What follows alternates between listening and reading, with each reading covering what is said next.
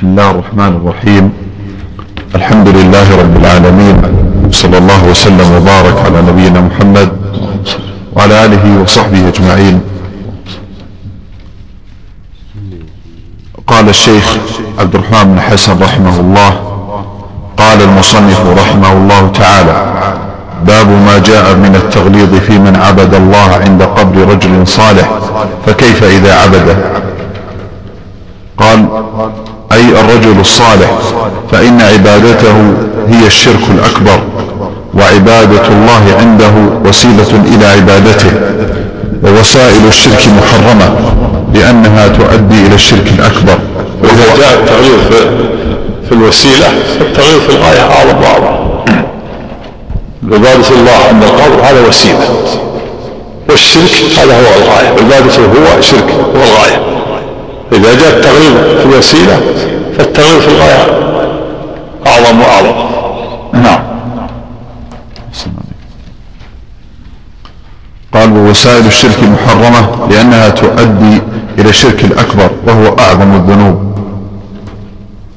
قال المصنف رحمه الله تعالى في الصحيح عن عائشة رضي الله تعالى عنها أن أم سلمة رضي الله عنها ذكرت لرسول الله صلى الله عليه وسلم كنيسة رأتها بأرض الحبشة وما فيها من الصور فقال أولئك إذا مات فيهم الرجل الصالح أو العبد الصالح بنوا على قبره مسجدا وصوروا فيه تلك الصور أولئك شرار الخلق عند الله. فهؤلاء جمعوا بين الفتنتين فتنة القبور وفتنة التماثيل. الفتنتين بأل كذا. عندك معروف؟ نعم. طيب لا بأس جمعوا بين الفتنتين فتنة القبور وفتنة التماثيل. الفتنتين بأل كذا. عندك معروف؟ نعم. طيب لا بأس نعم. هي من كلام شيخ الإسلام صلى الله عليك نعم. رجعت لها ذكرها ابن القيم في غاثة اللهفان ذكر الفتنتين. بأل نعم. قوله في الصحيح أي الصحيحين قوله أن أم سلمة هي هند بنت يعني كان المؤلف في الصحيح. وهو في الصحيحين. نعم. قال في الصحيحين. نعم. قوله رواه الشيخان نعم. أحسن عليك. قوله أن أم سلمة هي هند بنت أبي أمية بن المغيرة بن عبد الله بن عمر بن مخزوم بن عبد الله. أحسن. بن عبد الله بن عمر آه، بن مخزوم القرشية المخزومية رضي الله تعالى عنها. تزوجها النبي صلى الله عليه وسلم بعد أبي سلمة سنة أربع وقيل ثلاث. وكانت قد هاجرت مع أبي سلمة إلى الحبشة ماتت سنة 62 قوله ذكرت لرسول الله صلى الله عليه وسلم وفي الصحيحين أن أم حبيبة وأم سلمة رضي الله تعالى عنهما ذكرتا لرسول الله صلى الله عليه وسلم. والكنيسة بفتح الكاف وكسر النون معبد معبد النصارى. قوله أولئك بكسر الكاف خطابا للمرأة. قوله إذا مات فيهم الرجل الصالح خطاب ولا خطاب؟ بالنصب بالنصب. قوله قوله إيش؟ قوله أولئك بكسر الكاف خطابا للمرأة خطاب. بالرفع خبر يصلح خطابا يعني يكون خطابا على التقدير لكن نعم. قوله إذا مات فيهم الرجل أو العبد الصالح. هذا والله أعلم شك من بعض الرو... من بعض رواة الحديث. هل قال النبي صلى الله عليه وسلم هذا أو هذا؟ ففيه التحري في الرواية وجواز الرواية بالمعنى. نعم. هذا متحرر هذا المعنى واحد الرجل الصالح هو هو العبد الصالح. وهو يدل على جواز الرواية بالمعنى لمن عنده معرفة بال- باللغة وأساليبها. نعم. أحسن قوله وصوروا فيه تلك الصور. الإشارة إلى ما ذكرت أم سلمة وأم حبيبة رضي الله عنهما من التصاوير التي في الكنيسة. قوله أولئك شرار الخلق عند الله وهذا يقتضي تحريم بناء المساجد على القبور وقد لعن من فعل ذلك كما سيأتي. قال البيضاوي لما كانت اليهود والنصارى يسجدون لقبور الأنبياء تعظيما لشأنهم ويجعلونها قبلة يتوجهون في الصلاة نحوها واتخذوها أوثانا لعنهم النبي صلى الله عليه وسلم اللهم صل عليكم ذكر العجيلي في إشكال في في لعن اليهود والنصارى إيش؟ احسن عليك شو العجيلي هذا؟ شارح شارح تحقيق صاحب تحقيق التجريد شرح كتاب من شراح كتاب التوحيد احسن عليك قال أحسن عليك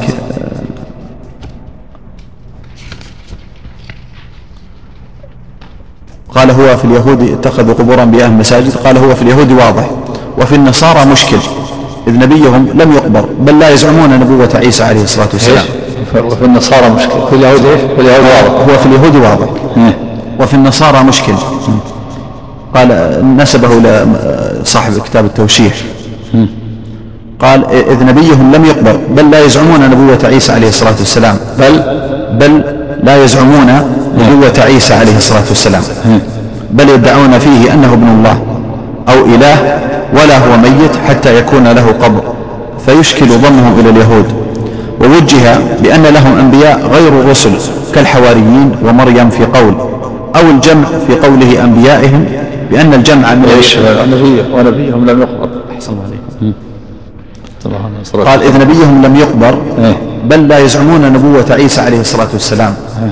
بل, يدع بل يدعون فيه أنه ابن الله أو إله ولا هو ميت حتى يكون له قبر فيشكل ضمهم إلى إلى اليهود. ووجه بأن لهم أنبياء غير الرسل كالحواريين ومريم في قول أو الجمع في قوله في قوله أنبيائهم بأن الجمع من اليهود والنصارى والمراد الأنبياء ويؤيده رواية مسلم قبور آه، قبور أنبيائهم وصالحيهم. إيش؟ أو أو الجمع القول الثاني أو الجمع في قوله أنبيائهم بأن الجمع من اليهود والنصارى والمراد الأنبياء ويؤيده رواية مسلم قبور أنبيائهم وصالحيهم. بس. قال والمراد اتخاذ والمراد ما في أقول ما في إشكال. وقول بأن الحواريين ومريم بهذا ليس بشيء. ما في نبي من الحواريين. هذا ليس. لكن المراد الجمع. اليهود والنصارى جميعا اتخذوا قبور انبيائهم مساجد أنبياء بني إسرائيل كثيرون بعد موسى عليه الصلاة والسلام إلى زمن عيسى. المراد الجمع. يعني ضممت اليهود والنصارى جميعا. أنهم اتخذوا قبور انبيائهم مساجد باب التغليب. فاليهود آه، أرسل الله إليه موسى عليه السلام وأنزل عليه التوراة ثم توالت الأنبياء بعد موسى عليه السلام وكلفوا كلهم بالعمل بالتوراة داود وسليمان ويحيى وزكريا حتى بعث الله عيسى. هم أنبياء كثيرون فهم اتخذوا قبور أنبيائهم مساجد من باب التغليب نعم. والنصارى تبعوا لهم بعد ذلك شاركوهم في هذا. ولو كان عيسى عليه السلام حيا وهو مرفوض ما يمنع هذا. الأنبياء كثير الأنبياء عليه السلام كثيرون. نعم. قوله أولئك شرار الخلق عند الله وهذا يقتضي تحريم بناء المساجد على القبور وقد لعن من فعل ذلك كما سيأتي. نعم. قال قال البيضاوي لما كانت اليهود والنصارى يسجدون للقبور الأنبياء تعظيما لشأنهم ويجعلونها قبلة يتوجهون في الصلاة نحوها واتخذوها أوثانا لعنهم النبي صلى الله عليه وسلم. اللهم صل قال القرطبي رحمه الله وإنما صور أوائلهم الصور ليتأسوا بها ويتذكروا أفعالهم الصالحة فيجتهدوا كاجتهادهم ويعبد الله عند قبورهم ثم خلفهم قوم جهلوا مرادهم ووسوس لهم الشيطان أن أسلافهم كانوا يعبدون هذه الصور ويعظمونها فحذر النبي صلى الله عليه وسلم عن مثل ذلك سدا للذريعة المؤدية إلى ذلك. نعم كما ذكر القيم. قال قال قال قال عكفوا على قولهم ثم صوروا تماثيلهم ثم طلع عليهم الأمد فعبدوا نعم. وفي كذلك قول ابن عباس في ود وسواء ويغوث وكان أسماء رجال صالحين من قوم نوح. فلما ماتوا حزنوا عليهم فأوحى الشيطان أن صوروا صورهم حتى تذكروا عبادة فصوروهم ثم جاء أسلافهم فدب إليهم الشيطان وقال إنما صوروهم لأنهم يستسقون بهم المطر فعبدوا نعم. قوله فهؤلاء جمعوا بين الفتنتين فتنة القبور وفتنة, وفتنة التماثيل. هذا من كلام شيخ الإسلام ابن تيمية رحمه الله. ذكره المصنف رحمه الله تنبيها على ما وقع من شدة الفتنة بالقبور والتماثيل. فإن الفتنة فإن الفتنة بالقبور كالفتنة بالأصنام أو أشد. هذا من كلام شيخ الإسلام. أحسن عليك. هذا من كلام شيخ الإسلام هذا من كلام شيخ الإسلام ابن تيمية رحمه الله ذكره المصنف رحمه الله تنبيها على ما وقع من شدة الفتنة بالقبور والتماثيل فإن الفتنة بالقبور كالفتنة بالأصنام أو أشد نعم قال شيخ الإسلام رحمه الله فتنة القبور معروف يعني العكوف على القبور ولزومها والصلاة عندها فتنة التماثيل الصور تصوير الصور ونصبها في المجالس. كلها من أسباب الشرك. العكوف على القبور من أسباب وقوع الشرك والتصوير والتماثيل من أسباب الشرك وعبادة الأصنام. نعم. قال شيخ الإسلام رحمه الله وهذه العلة التي لأجلها نهى الشارع صلى الله عليه وسلم عن اتخاذ المساجد على القبور هي التي أوقعت كثيرا من الأمم إما في الشرك الأكبر أو فيما دونه من الشرك.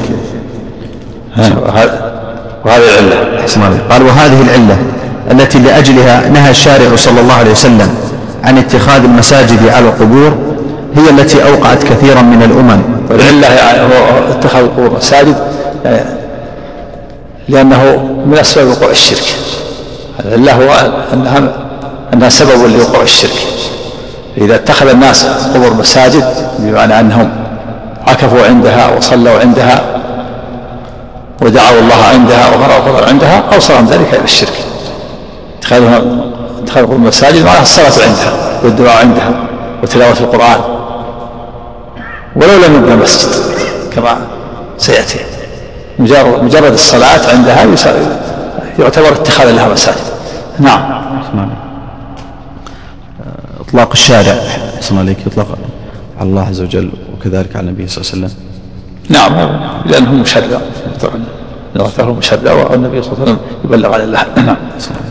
قال فإن النفوس قد أشركت بتماثيل الصالحين وتماثيل يزعمون أنها طلاسم الكواكب ونحو ذلك. فإن الشرك بقبر الرجل الذي يعتقد صلاحه أقرب إلى النفوس من الشرك أقرب إلى النفوس من الشرك بخشبة أو حجر. ولهذا تجد أهل الشرك يتضرعون عندها ويخشعون ويخضعون ويعبدون بقلوبهم عبادة لا يفعلونها في بيوت الله ولا وقت السحر. ومنهم من يسجد لها وأكثرهم يرجون من بركة الصلاة عندها والدعاء ما لا يرجون في المساجد.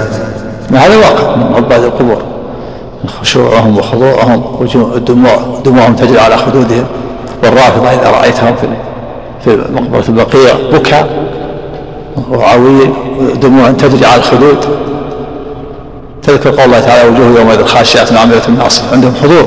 قلب ما عندهم ما فيه هواجس ولا خواطر ولا شيء. إن هذا يكون عند المؤمن في المساجد. في المسجد في الصلاة تأتي الهواجس والخواطر لكن هؤلاء الشيطان امتنع عنهم لأن هذا مناسب له يريد هذا يريد الشرك. أحضروا قلوبهم لهذا الوثن وأخلصوا له العبادة. هذا الذي يريد الشيطان. لكن المؤمن في المسجد هو الذي يريد الشيطان يسرق منه إذا عجز عنه يريد أن يصده. يلهيه ترد على الخواطر والهواجس حتى لا لا يعقل شيئا من صلاته. فالواجب على المسلم جهاد نفسه يجاهد نفسه وهذا حتى يدفع هذه الخواطر. نعم. قال فلأجل هذه المفسدة حسم النبي صلى الله عليه وسلم مادتها حتى نهى عن الصلاة في المقبرة مطلقا وإن لم يقصد المصلي بركة البقعة, بركة البقعة بصلاته كما يقصد بصلاته بركة المساجد. كما نهى عن الصلاة وقت طلوع الشمس وغروبها لأنها أوقات يقصد المشركون فيها الصلاة للشمس. فنهى أمته عن الصلاة حينئذ وإن لم يقصد وإن لم يقصد ما قصده المشركون. سدا للذريعة. سد سدا للذريعة. وأما إذا قصد الرجل الصلاة عند القبور متبركا بالصلاة في تلك البقعة فهذا عين المحادة لله ولرسوله والمخالفة لدينه وابتداع دين لم يأذن به الله. فإن المسلمين قد جمعوا على ما عل فإن المسلمين قد أجمعوا على ما علموا. يعني إذا صلى المقبرة ولا يقصد البركة. المسجد صلى المسجد لأنه تحصل البركة. ويعلم أن الله سبحانه وتعالى شرع هذه العبادة في المسجد. أما المشرك فإنه يقصد البركة والمسلم لو صلى في المقبرة ما يقصد البركة لكن ممنوع حتى ولو ما قصد البركة. نعم وأما وأما إذا قصد.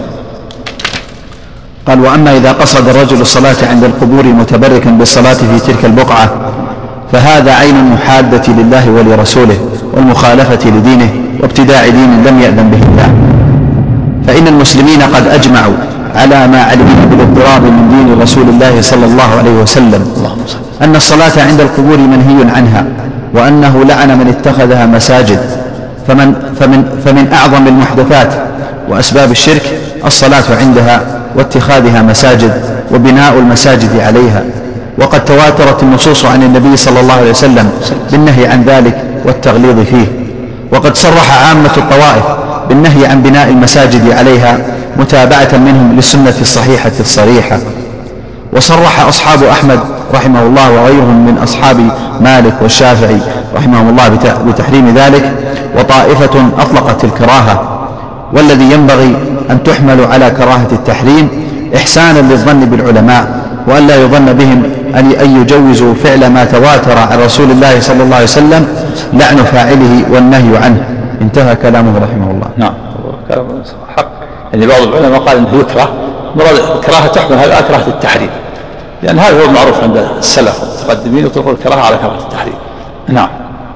قال المصنف رحمه الله تعالى ولهما عنها. بارك أحسن عليك. في, في تعليق محمد فقيه هنا. نعم السلام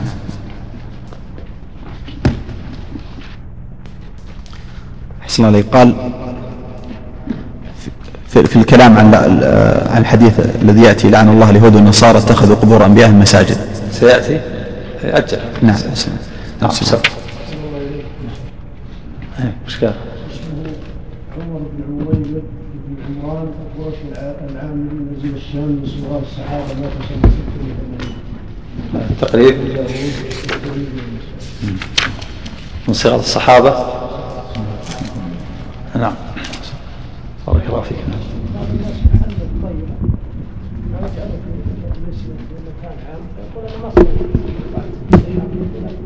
يا غلط. أولا الطير الطير هل, هل هو الطير قد يكون نسر؟ هذا نجس. ما يؤكل نجس. أول لماذا يأتي بحيوان نجس ويحنطه ثانيا أن هذا فيه آه، دعوة تصوير لأن من يراه يظن أنه صورة. بعض الناس يرى الأشياء المحنطة يظن أنها صور فيقتدون به ويصورون. ثم أيضا هذا منكر وضعها لماذا تحنط وتوضع؟ منكر. تحنيط الحيوانات ووضعها في المجالس منكر. هو الحقيقي ممنوع حتى الحقيقي ممنوع. أنت ممنوع من الحقيقة تجيب حيوانات وتحنطها لماذا؟ هل هذا مشروع هذا؟ تجيب حيوانات نجسة وتحنطها تجعلها في المجالس؟ نجسة. كيف؟ النجسة ما ما يؤتى بالنجاسة توضع فيها حيوانات نجسة توضع أمام الناس. ثم هذا فيه تشجيع المصورين. إذا رأوها ظنوا أنها صور كثير من الناس ما يعلم أنها محنطة نعم. نعم في في بذل المال وفيه أيضا منكر وابتداع ما كان الناس يعملون في حيوانات في مجالسهم. نعم. بالنسبة اللي يقومون بالمقبرة. يقومون بشؤونهم من حرس وحفاره يقول لهم مسجد داخل المقبرة. نعم ما تصح الصلاه ما يجوز. لا هم ولا غيرهم. نعم لا هم ولا غيرهم. نبه على هذا ينبغي ننبه حتى البيوت هذه يحتاج إلى كتابه المسؤولين عن هذا اللي يسكنون فيها يصلون فيها ما يصلح. خارج المقبرة. نعم. بسم الله الرحمن الرحيم. الحمد لله رب العالمين وصلى الله وسلم وبارك على نبينا محمد وعلى آله وصحبه أجمعين.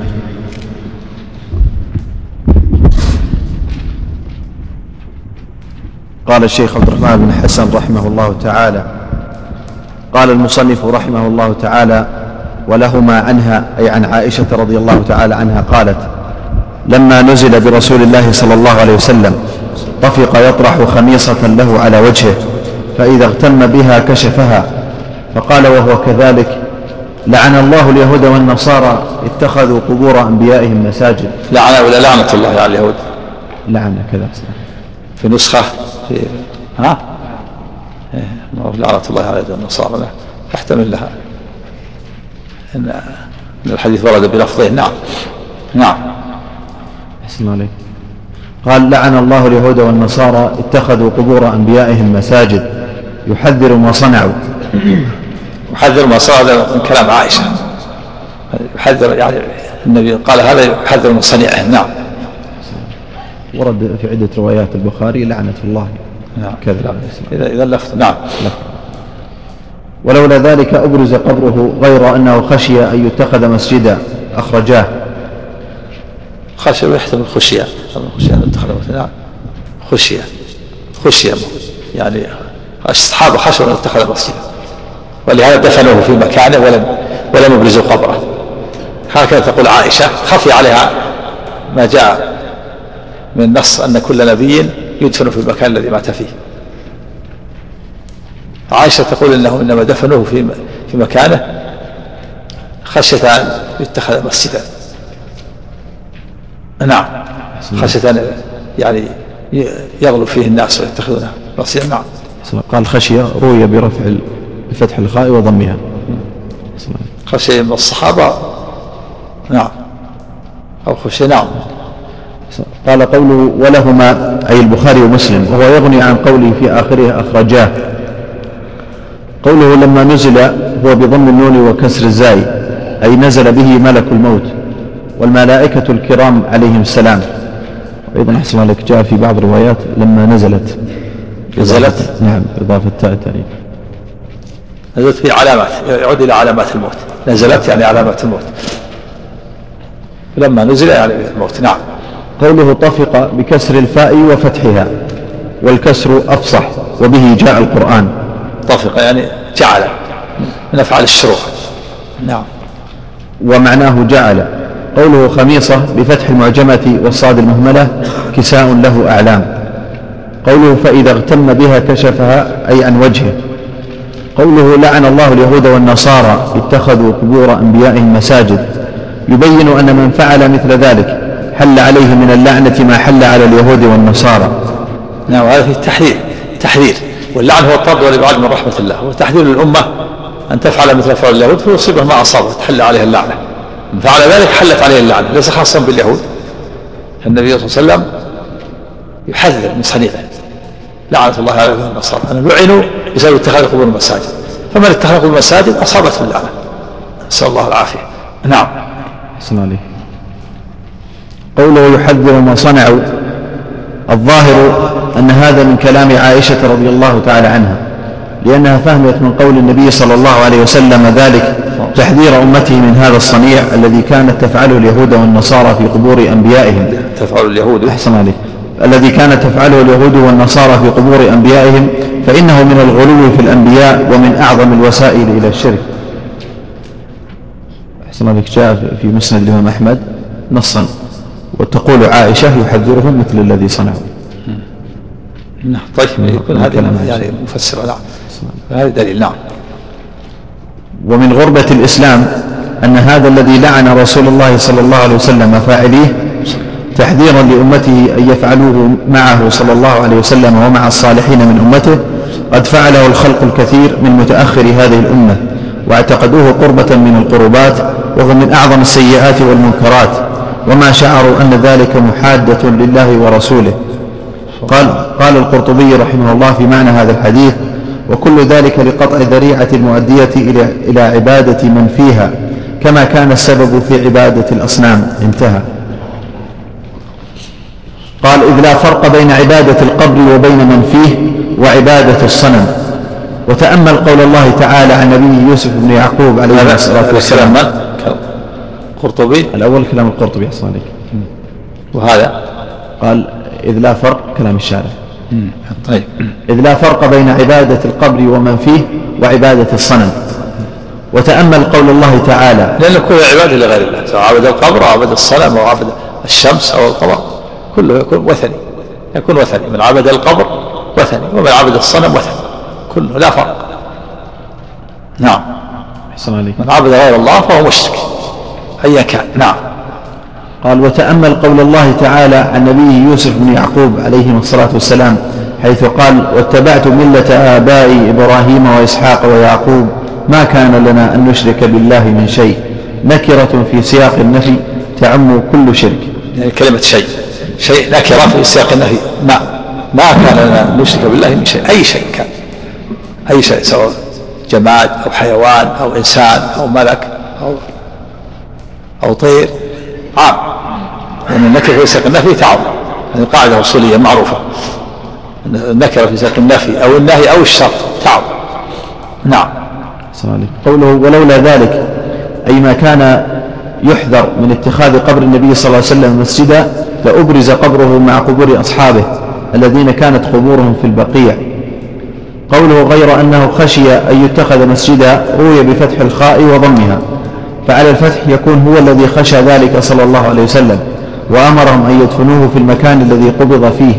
وعلى رواية الضم يحتمل أن يكون الصحابة هم الذين خافوا أن يقع ذلك من بعض الأمة غلوا وتعظيما بما أبدى وأعاد من النهي والتحذير منه ولعن فاعلة. يعني عائشة تقول أن خشي يعني النبي صلى الله عليه وسلم. أو أنه خشي يعني خشي, خشي الصحابة. وهذا اجتهاد منها. وإلا جاء ما ما يدل على أن كل نبي يدفن في المكان الذي مات فيه. نعم. جاء في البخاري ومسلم قالت عائشة ولولا ذلك لا أبرز قبره نعم. غير أنه خشي أن يتخذ مسجدا خشي أن يعني هذا حسب فهمها نعم. قال القرطبي رحمه الله ولهذا بالغ المسلمون في سد الذريعة في قبر النبي صلى الله عليه وسلم.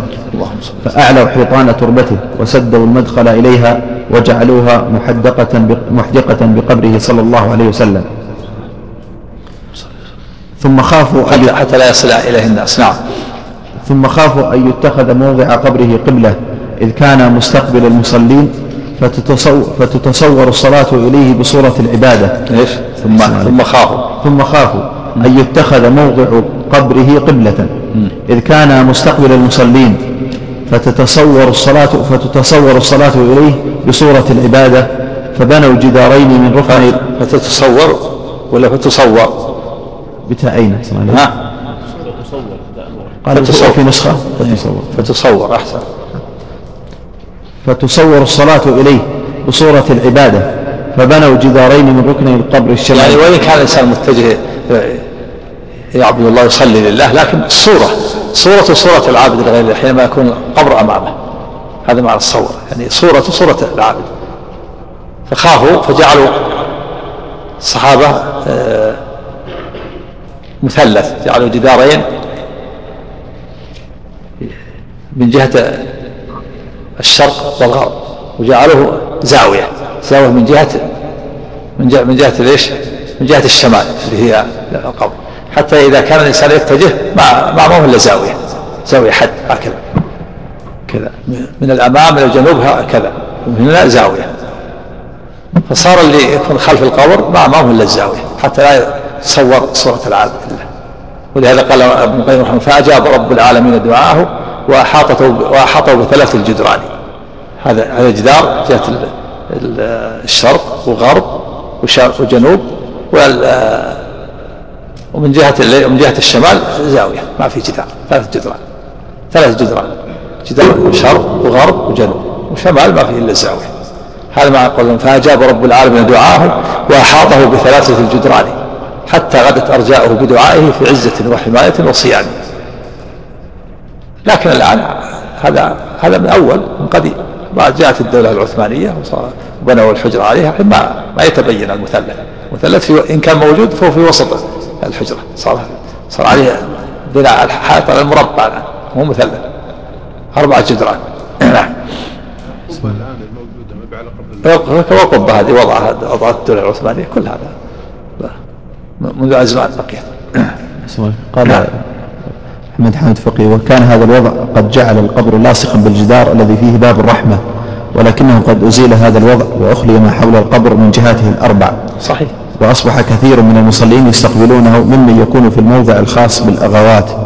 وفي المكان الخاص بإيش؟ بالأغوات. إيه. يسمى يسمى مكان الخاصات في دكة على نعم. القبر. يسمى اللغات لغات من القبر. نعم. قالوا قال وأصبح كثير من المصلين يستقبلونه مما يكون في الموضع الخاص بالأغوات وفي المكان الخاص بالنساء. وأصبح عرضة لأن يطاف به. وقد رأيت كثيرا من العامة يطوفون به ويحاولون التمسح به لولا منع الجند الذين خصصتهم الحكومة السعودية لذلك لذلك المنع. ومهما حرص الجند على أداء وظيفتهم فلا يمكنهم ولا أي قوة تمنع هذا منعا باتا. اللهم إلا العلم الذي ينير قلوب الجمهور الإسلامي ويعرفهم حقيقة محبة النبي صلى الله عليه وسلم وأنها إنما تكون باتباع دينه كما كان أصحابه رضي الله عنهم يفعلون. وهم أشد الناس حبا لله ولرسوله. نعم صحيح. يجب أن يوعى الناس ويعلم ويبين لهم. أن الواجب على المسلم أن أن يتوجه إلى الله سبحانه وتعالى في الدعاء ولا يجوز له أن يتمسح بالقبر ولا بالجدران ولا يتجه إلى القبر في الدعاء. نعم. قال تعليق على الحديث أحسن عليك هذا هو الشاهد من الترجمة في قوله لعن الله اليهود والنصارى اتخذوا قبور انبيائهم مساجد. قال النبي صلى الله عليه وسلم هذا فقه أحسن عليك قال النبي صلى الله عليه وسلم لعنهم على تحري الصلاة عندها وإن كان المصلي إنما يصلي لله فمن كان يصلي عند القبور ويتخذها مساجد فهو ملعون لأنه ذريعة إلى عبادتها فكيف إذا عبد المقبور فيها بأنواع العبادة وسأله ما لا قدرة له عليه؟ وهذا هو الغاية التي التي يكون اتخاذ القبور مساجد ذريعة إليها. وليست اللعنة خاصة باليهود والنصارى لأشخاصهم أو أزمانهم أو أسمائهم وإنما هي لأعمالهم وكذا هي لكل من عمل مثل عملهم فهو ملعون مثلهم. نعم صلى الله العافية نعم. قال وإنما هي لأعمالهم وكذا هي لكل من فعل فعله فمن فعل ما هو أعظم من فعلهم أولى باللعن وإنما أراد صلى الله عليه وسلم تحذير أمته أن يتعرضوا لما تعرض له اليهود والنصارى من اللعنة. ولذلك قالت عائشة يحذر ما صنعوا ولولا ذلك أبرز قبره نعم. أحسن عليك قال وتأمل قال رحمه الله وتأمل قول الله تعالى عن نبيه يوسف بن يعقوب. نعم قال بعدها قال القرطبي ولهذا بالغ المسلمون في سد الذريعة في قبر النبي صلى الله عليه وسلم فأعلوا حيطان تربته وسدوا المدخل إليها وجعلوها محدقة بقبره صلى الله عليه وسلم. ثم خافوا أن يتخذ موضع قبره قبلة إذ كان مستقبل المصلين فتصوروا الصلاة إليه بصورة العبادة. فبنوا جدارين من ركن القبر الشماليين وحرفوهما أو وحرفوهما حتى التقيا على زاوية مثلثة من ناحية الشمال حتى لا يتمكن أحد من وحرفوهما يعني بينوه نعم. وحرفوهما حتى التقيا على زاوية مثلثة من ناحية الشمال حتى لا يتمكن أحد من استقبال قبره. انتهى كلامه. قال المصنف وفيه من المسائل ما ذكر الرسول صلى الله عليه وسلم في من بنى مسجدا يعبد الله فيه على قبر رجل صالح لو صحت نية الفاعل. ها؟ وفيه أحسن عليك. قال وفيه من المسائل ما ذكر الرسول صلى الله عليه وسلم في من بنى مسجدا يعبد الله فيه على قبر رجل صالح ولو صحت نية الفاعل. نعم. هذا من وسائل الشرك ولا تصح الصلاة. وفي منع الصلاة. فيها إيش عندك؟ منع الصلاة ما ذكر في من بنى مسجدا. إيش عندك؟ إيش النسخة عندك؟ وفيه إيش؟ وفيه؟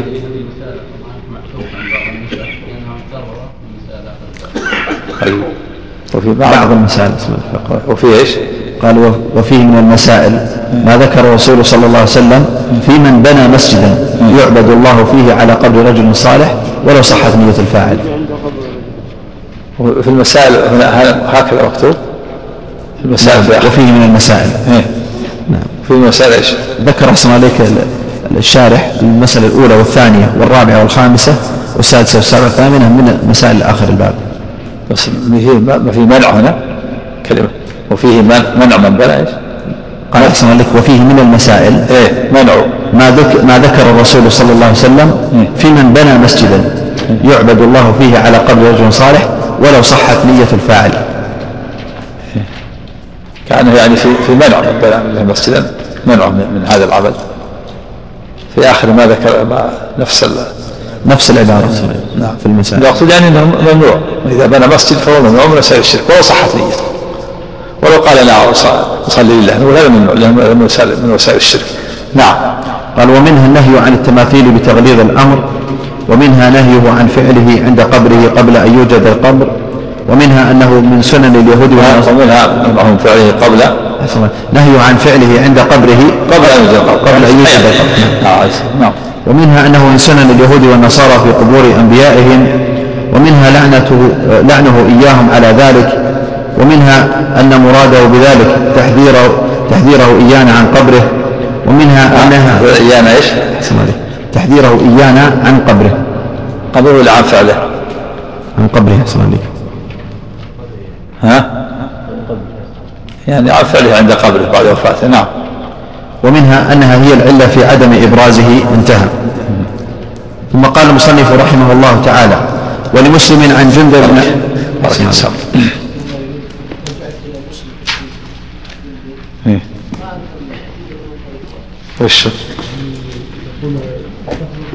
وش وصالحين. نعم.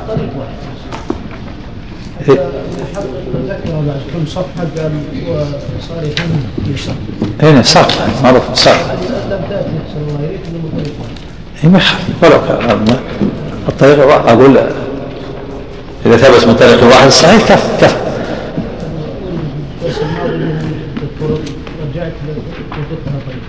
عجيب. يمكن في مكان آخر. راجع. يمكن في مكان آخر. في في في إيه. إيه. لكن في غيره. غير في غيره. في- في حديث آخر. في في غيره في في حديث جندب. والثاني حديث عائشة. خلاص كافي حديث نعم. جندب هو الذي نعم. في صحيح مسلم كتاب المساجد ومواضع الصلاة. نعم. سم. بسم الله الرحمن الرحيم. الحمد لله رب العالمين. صلى الله وسلم وبارك على نبينا محمد وعلى آله وصحبه اللهم صل قال الشيخ عبد الرحمن بن الحسن رحمه الله تعالى قال المصنف رحمه الله تعالى ولمسلم عن جندب بن عبد الله رضي الله عنه قال سمعت النبي صلى الله عليه وسلم قبل أن يموت بخمس وهو يقول إني أبرأ إلى الله أن يكون لي منكم خليل فإن الله قد اتخذني خليلا كما اتخذ إبراهيم خليلا. ولو كنت متخذا من أمتي خليلا لاتخذت أبا بكر خليلا. ألا وإن من كان قبلكم كانوا يتخذون قبور أنبيائهم مساجد. ألا فلا تتخذوا القبور مساجد فإني أنهاكم عن ذلك. فقد نهى عنه في آخر حياته. سبق أن سقطت كلمة وصالحيهم مساجد في مسلم كانوا قد اتخذون قبور أنبيائهم وصالحيهم مساجد وهذه لفظة مهمة. فيها بيان أن تحذير من اتخاذ القبور والصالحين. للأنبياء انتهوا. ولا يعرف قبر نبي كما قال شيخ الإسلام إلا قبر نبينا صلى الله عليه وسلم وقبر الخليل. بقي الصالحون كثيرون. يتخذون قبور أنبيائهم. وقبور الصالحين نعم. ذكرها مسلم عليك في كتاب المساجد ومواضع الصلاة. نعم. نعم. قال فقد قال الشيخ رحمه الله نقلها من كتاب اقتضاء الصراط المستقيم للشيخ الإسلام ابن تيمية وسقطها على الشيخ الإسلام ابن تيمية. لكن مرنا أمس في الفتاوي أنه أشار إليها الشيخ الإسلام أيضا. صالحين الصالحين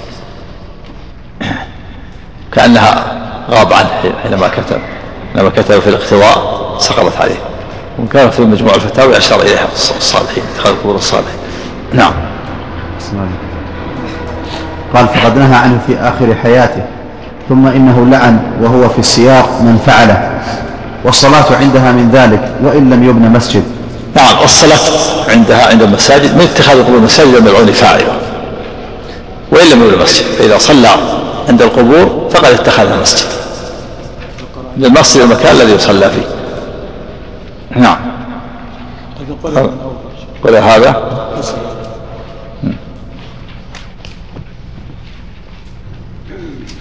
قال وهو معنى قولها خشي أن يتخذ مسجدا فإن الصحابة لم يكونوا ليبنوا حول قبره مسجدا وكل موضع قصدت الصلاة فيه فقد اتخذ مسجدا بل كل موضع يصلى فيه يسمى مسجدا. كما قال صلى الله عليه وسلم اللهم جعلت لي الأرض مسجدا وطهورا. قوله عن جندب بن عبد الله أي ابن سفيان البجلي رضي الله تعالى عنه وينسب إلى جده صحابي مشهور مات بعد الستين. قوله إني أبرأ إلى الله أن يكون لي منكم خليل أي أمتنع عما لا يجوز لي أن أفعله. إن أفعله. أحسن عليك. قال أمتنع عما يجوز لي أن أفعله والخلة فوق والخليل هو المحبوب غاية الحب مشتق من من الخلة بفتح الخاء وهو تخلل المودة في القلب. كما قال الشاعر قد تخللت مسلك الروح مني قد تخللت مسلك الروح مني وبلا سم الخليل خليلا. قد تخللت مسلك الروح مني. نعم. والخلة سم الخلة لأنها تتخلل شغاف القلب وتصل إلى سويدائه. المحبة نهاية المحبة وكمالها. والخليل لا يتسع قلبه لأكثر من واحد لأنها تملأ القلب فلا يتسع لأكثر من خليل واحد. ولهذا لما امتلأ قلب النبي صلى الله عليه وسلم بخلة ربه لم يتسع لأحد. ولو كان فيه متسع لكان لأبي بكر. ولهذا قال عليه الصلاة والسلام لو كنت متخذا من أمتي خليلا لاتخذت أبا بكر خليلا ولكن صاحبكم خليل الرحمن يعني نفسه. أما المحبة فيتسع القلب لأكثر من محبوب واحد ولهذا أحب النبي صلى الله عليه وسلم كثير أحب أسامة وأحب أباه زيد وأحب عائشة وأحب أبا بكر وأحب جماعة كثيرين. أما الخلة فلم يتخذ أحدا خليلا من أهل الأرض. هذا بالنسبة للمخلوق. أما بالنسبة لله عز وجل فهي صفة من صفاته. الخلة صفة والمحبة صفة. تليق بجلاله وعظمته لا يماثل أحدا من خلقه. نعم. الخليل نبينا إبراهيم ومحمد عليه الصلاه والسلام هم الخليلان ها بالنسبة يعني الله تعالى إنما اتخذ الخليلين. يعني ما اتخذ أحدا غير الخليلين. ولا يقول الإنسان إنه خليل الله. نعم. يكون الإنسان خليل واحد نعم. قال أبو هريرة. قال خليلي صلى الله عليه وسلم أبو هريرة. هذه خلة من جانب أبي, أبي هريرة. نعم. قال هذا هو الصحيح في معناه كما ذكره شيخ الإسلام ابن القيم وابن كثير وغيرهم. خلافا لأهل البدع من الجهمية فسروا الخلة بالفقر والحاجة لإنكارهم ينكرون صفة المحبة والخلة. ويقول الخليل معناه الفقير المحتاج وهذا من أبطل الباطل. لأن, لأن هذا وصف يشمل حتى الأصنام والأوثان. كلها فقيرة محتاجة إلى الله. كل الخلق فقراء إلى الله. هذا إبطال للصفة. الجميع يفسر الخلة بالفقر والحاجة. وهذا الفقر والحاجة وصف لجميع المخلوقات. نسأل الله السلامة والعافية. نعم. قال القرطبي رحمه الله وإنما كان ذلك لأن قلبه صلى الله عليه وسلم قد امتلأ من محبة الله وتعظيمه ومعرفته فلا يسع قلة غيره. نعم. قوله فإن الله قد اتخذني خليلا فيه بيان أن الخلة فوق المحبة. قال ابن القيم رحمه الله وأما ما يظنه بعض الغالطين من أن المحبة أكمل من الخلة وأن إبراهيم خليل الله ومحمدا صلى الله عليه وسلم حبيب الله فمن جهلهم. نعم هذا من جهل كثير من الناس. بعض الناس يظن المحبة فوق الخلة ولا يصف النبي إلا يقول حبيب الله حبيبنا حبيب الله حبيب ولا يقول خليل خليل الله أكمل. فيصفون النبي صلى الله عليه وسلم يقول حبيب الله الحبيب. وهكذا. ولا يتكلمون بعض الكتاب بعض الصحفيين وبعض كذلك أيضا آه، الذي ليس عنده تحقيق ولا معرفة ما يصف الرسول إلا بالحبيب. الحبيب حبيب الله. وينسى أن الخليل أكمل من الحبيب. نعم. وبعضهم يقول الخلة لإبراهيم والمحبة لمحمد. يظن أن المحبة أكمل من الخلة. هذا من جهلهم والله كما ذكر الشارح رحمه الله. نعم. قال فإن المحبة عامة والخلة خاصة وهي نهاية المحبة. الخلة أحسن عليك. فقال فإن المحبة عامة والخلة, والخلة خاصة وهي نهاية المحبة. وقد أخبر النبي صلى الله عليه وسلم أن الله قد اتخذه خليلا ونفى أن يكون له خليل غير ربه مع إخباره بحبه لعائشة ولأبيها ولعمر بن الخطاب رضي الله عنهم وغيرهم. وأيضا فإن الله يحب التوابين ويحب المتطهرين ويحب الصابرين وخلته خاصة بالخليلين. قوله ولو كنت متخذا من أمتي خليلا لاتخذت أبا بكر خليلا. فيه بيان أن الصديق أفضل الصحابة وفيه الرد على الرافضة وعلى الجهمية. نعم فيه بيان أفضل الصحابة. في الرد على الرافضة الذين يفضلون علي على أبي بكر. ويقولون علي أفضل الصحابة. وينصبون العداوة ويدعون أن من أحب أبا بكر وعمر فقد عاد عليا. الرافضة يقولون لا ولا إلا بالبراء. عندهم هذا من أبطل لا ولا لا يتولى من علي حتى يتبرأ من أبي بكر وعمر. هذا من أبطل الباطل. فالمسلمون يتولون أبي بكر وبكر ما يتولون علي. ينصبون العداوة. رد عليهم أن النبي قال لو كنت متخذا من أمتي خليل اتخذت ولم يقل اتخذت عليا خليل. دل على أن أفضل. ففيه الرد على الرافضة في تقديم علي على أبي بكر. وفيه الرد على الجهمية في إنكارهم الخلة والمحبة. نعم. قال فيه بيان أن الصديق رضي الله عنه أفضل الصحابة وفيه الرد على الرافضة وعلى الجهمية وهما شر أهل البدع وأخرجهم بعض السلف من الثنتين والسبعين فرقة. يعني جعلهم كفار. والسلف قال إن الرافضة كفار والجهمية كفار. خارجون من الثنتين والسبعين فرقة التي قال فيها النبي صلى الله عليه وسلم وستفترق هذه الأمة على 73 فرقة كلها في النار إلا واحدة. هذه الفرق متوعده بالنار لكنها من فرق المبتدعه أهل بدع ليسوا كفارا. أما الجهمية خرجوا من هذه الفرق وصاروا كفارا وكذلك الرافضة وكذلك القدرية الغلاة. كل هؤلاء أخرجهم الأئمة من الثنتين وسبعين فرقة قدرية الغلاة الذين أنكروا العلم والكتابة والرافضة لتكفيرهم الصحابة وعبادتهم لآل البيت. لا الرافضة يعبدون آل البيت. آل البيت. هم هم الرافضة كلهم غلاة ما في الرافضة يعبدون آل البيت ويسبون ويكفرون الصحابة تكفير الصحابة تفسيقهم تكذيب لله. لأن الله زكاهم وعدلهم. ومن كذب الله كفر.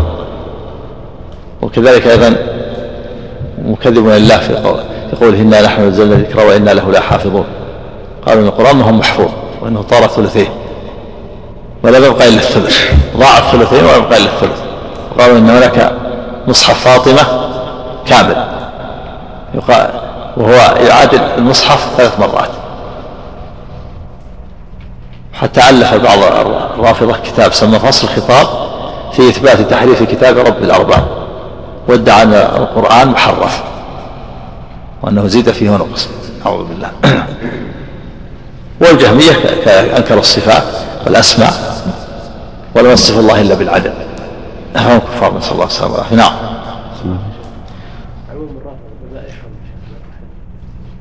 قاعدة. أن الذبيحة لا بد فيها من شرطين الشرط الأول أن يكون الذابح كتابي أو مسلم. والشرط الثاني أن تكون مذبوحة بالطريقة الإسلامية. قطع الحكوم والمريء ولا ولا يذكر فيه غير اسم الله إذا قال باسم المسيح فلا بد أن يكون الذابح مسلم أو كتابي فإذا كان الذابح وثني ما صح ما صحت ولو قطع ولو قال بسم الله ولو قطع الحكوم والمريء فلا.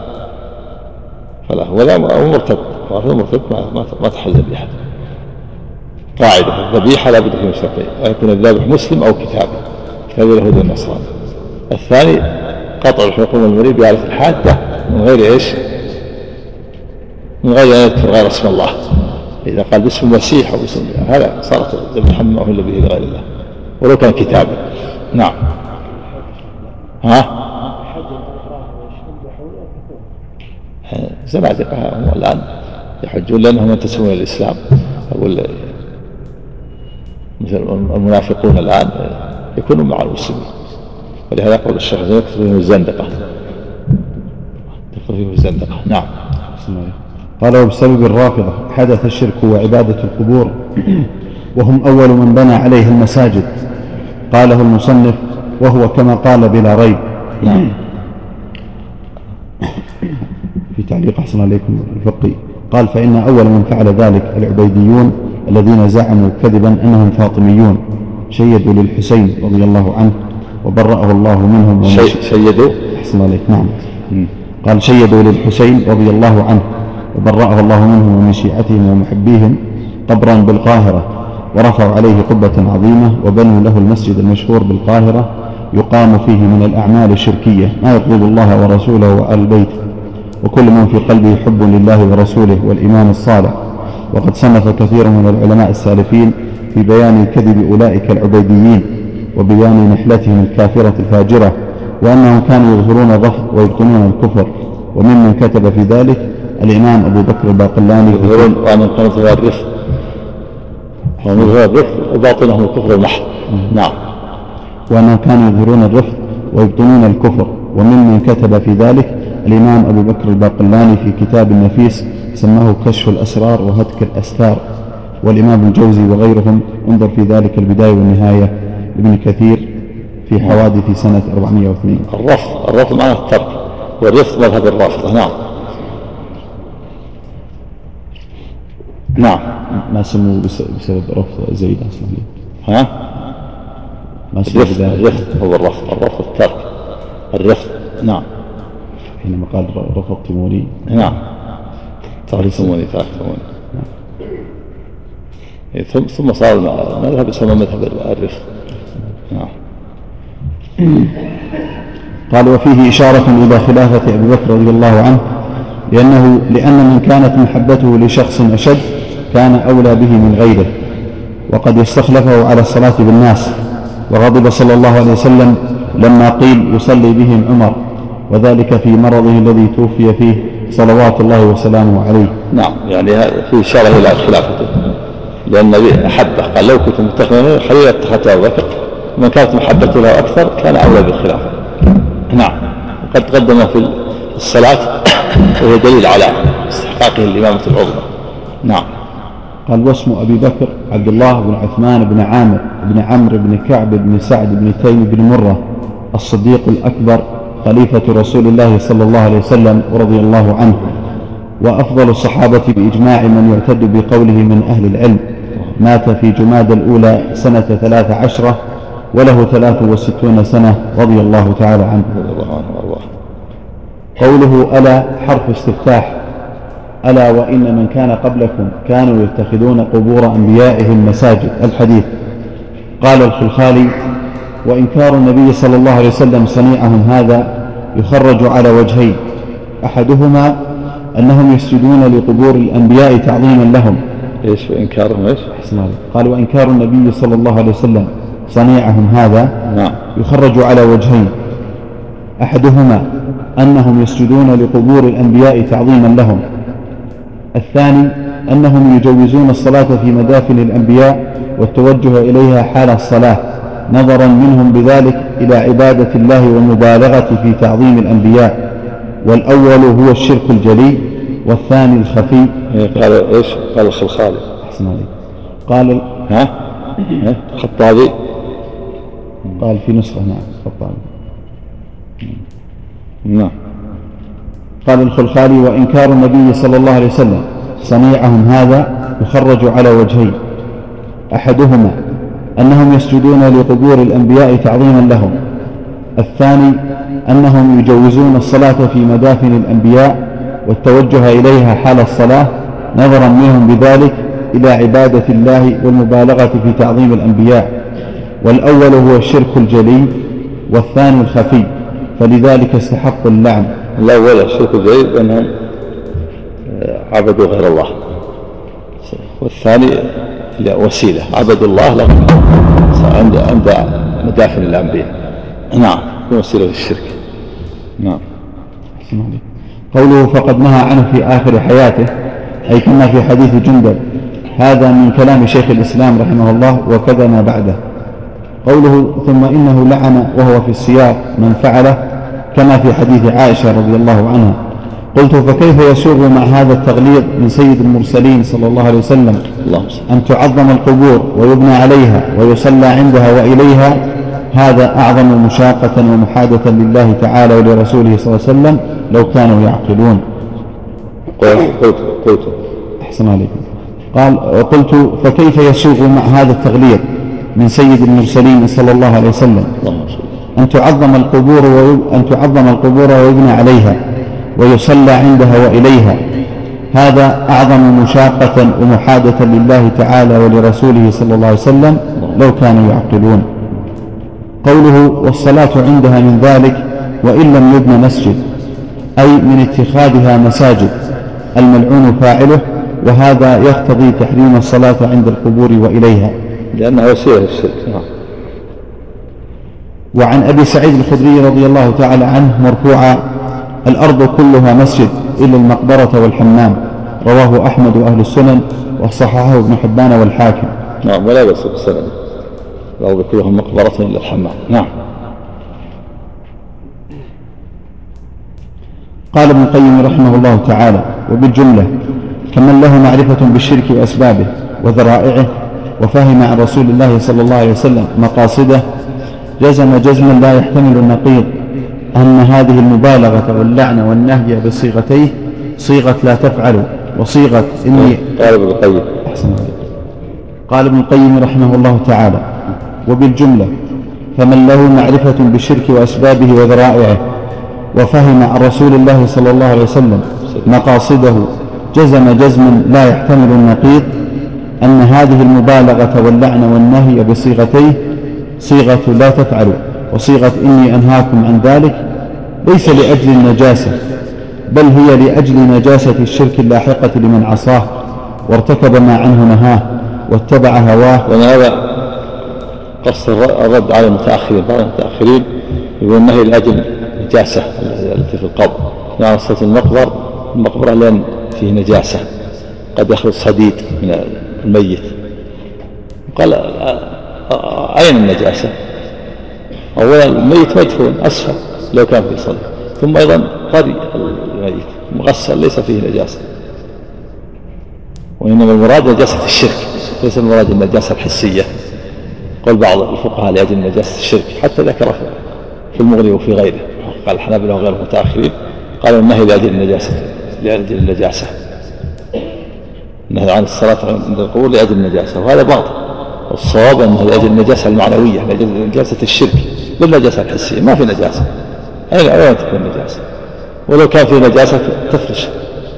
تفرش سجادة وتصلي لو كان جائز من أجل النجاسة. ثم النجاسة أين هي؟ النجاسة لو كان في نجاسة أسفل. مسافات بعيدة. تحت تحت الأرض والأرض ظاهر ليس فيها نجاسة. نعم. قال بل هي لأجل نجاسة الشرك اللاحقة لمن عصاه وارتكب ما عنه نهاه واتبع هواه ولم يخش ربه ومولاه وقل نصيبه أو عدم من لا إله إلا الله. فإن هذا وأمثاله من النبي صلى الله عليه وسلم صيانة لحمى التوحيد أن يلحقه الشرك ويخشاه وتجريد له وغضب لربه أن يعدل به أن يعدل به سواه. فأبى المشركون إلا معصية لأمره وارتكابا لنهيه.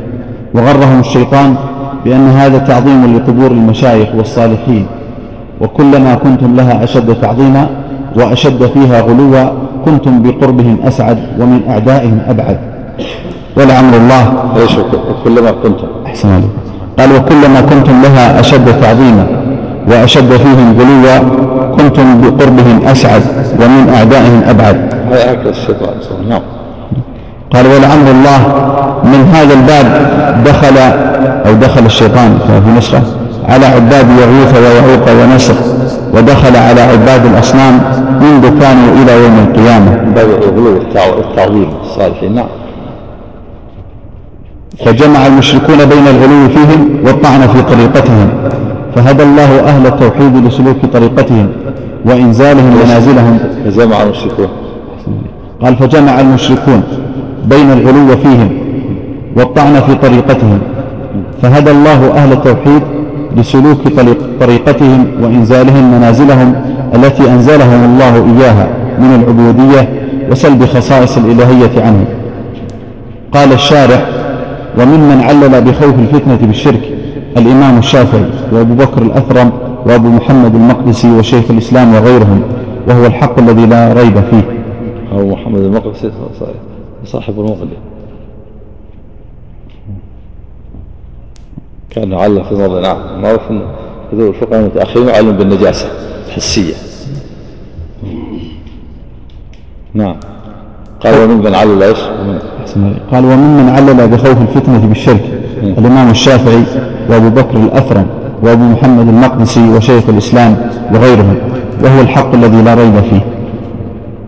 قوله فإن الصحابة لم يكونوا ليبنوا حول قبره مسجدا أي لما أي لما علموا من تشديده في ذلك وتغليظه ولعن من فعله. قوله وكل موضع قصدت الصلاة فيه فقد اتخذ مسجدا أي وإن لم يبنى مسجد بل كل موضع يصلى فيه يسمى مسجدا. يعني وإن لم وإن لم يقصد بذلك كما إذا عرض لمن أراد أن يصلي فأوقع الصلاة في ذلك الموضع الذي حانت الصلاة عنده من غير أن يقصد ذلك الموضع بخصوصه فصار بفعل الصلاة فيه مسجدا. قوله كما قال صلى الله عليه وسلم جعلت لي الأرض مسجدا وطهورا. أي فسمى الأرض مسجدا تجوز الصلاة في كل بقعة منها إلا ما استثني من المواضع التي لا تجوز الصلاة فيها كالمقبرة ونحوها. قال البغوي في شرح السنة أراد أن أهل الكتاب لم تبح لهم الصلاة إلا في بيعهم وكنائسهم فأباح الله لهذه الأمة الصلاة حيث كانوا تخفيفا عليهم وتيسيرا. ثم خص من جميع المواضع الحمام والمقبرة والمكان النجس انتهى. ها؟ إيش؟ أعطاه الإبن ما جعل الصلاة فيه